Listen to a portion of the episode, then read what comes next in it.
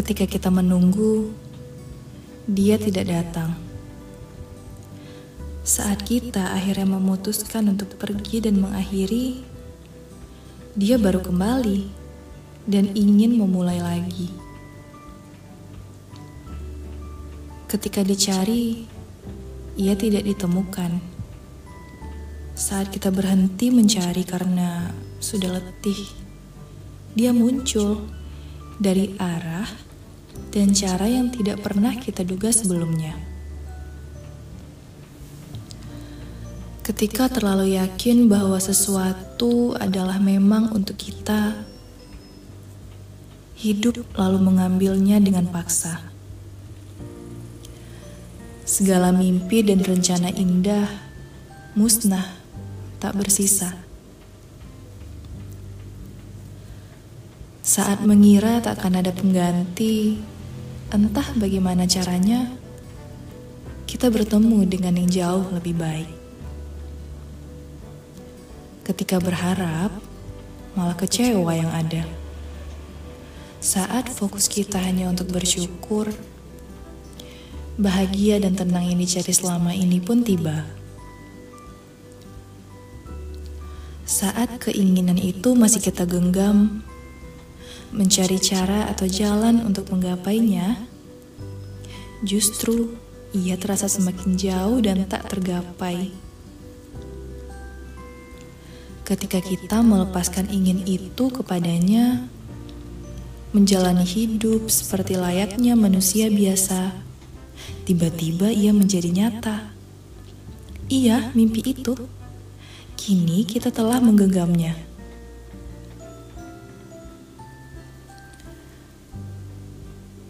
Hidup seakan ingin mengajarkan kita berharap dengan melepaskan harapan itu kepada semesta. Ibaratnya ketika menyerahkan proposal, yaitu harapan kita, kepada atasan, yaitu Tuhan. Jika proposal itu baik dan bagus, maka pasti diterima. Namun, apabila buruk, ia ditolak. Dan penilaian baik buruk itu hanya atasan kita yang tahu parameternya. Sama halnya dengan manusia yang tak punya hak menilai baik atau buruk manusia lainnya. Hanya Tuhan yang tahu. Hanya Tuhan yang memiliki pengetahuan itu. Atau segelintir manusia yang ia izinkan untuk memiliki pengetahuan itu. Entahlah, aku tidak mau berpikir sejauh itu.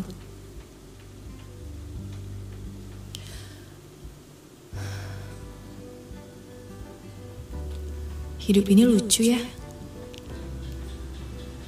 Dia memiliki kuasa untuk menumbuhkan sekaligus melumpuhkan asa. Atau jangan-jangan kita yang memberikan kekuasaan itu kepadanya.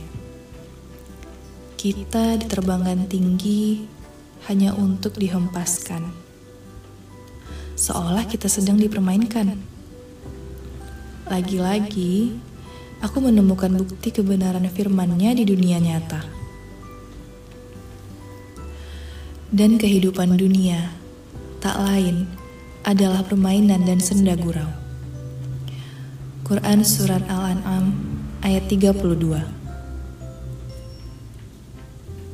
Pantas aja, Tuhan memerintahkan semua ciptaannya untuk bergantung dan hanya berharap kepadanya.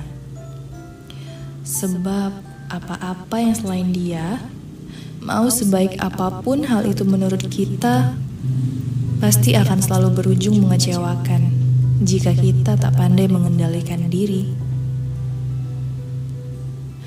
Ya, memang seperti itulah dunia ini. Tapi rasanya hmm, untuk benar-benar hanya meletakkan harap kepadanya di masa sekarang semakin sulit ya. Melihat kanan kiri yang semakin berkembang, orang-orang yang dulu bukan siapa-siapa kini menjadi manusia yang berpengaruh di dunia Rasanya ikhlas itu seperti ilmu yang semakin sulit untuk digapai.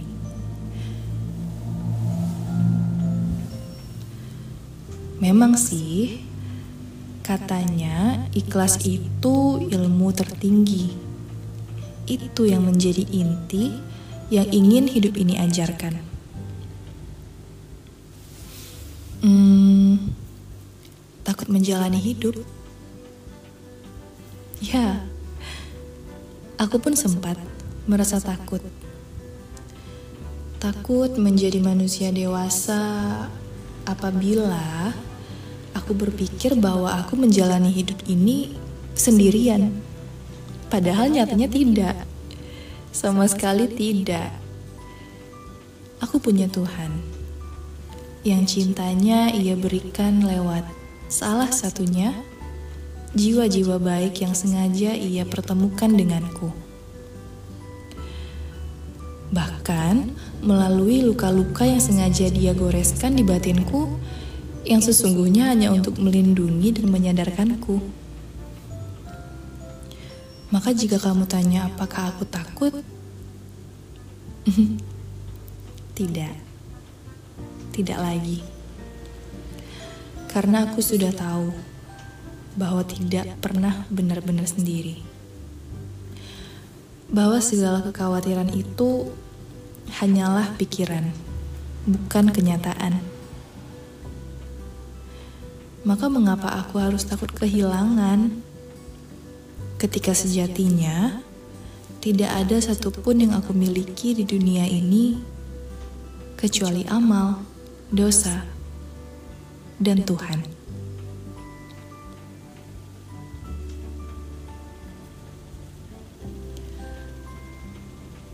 Untuk semua hal-hal di dunia, cintai dengan biasa-biasa saja.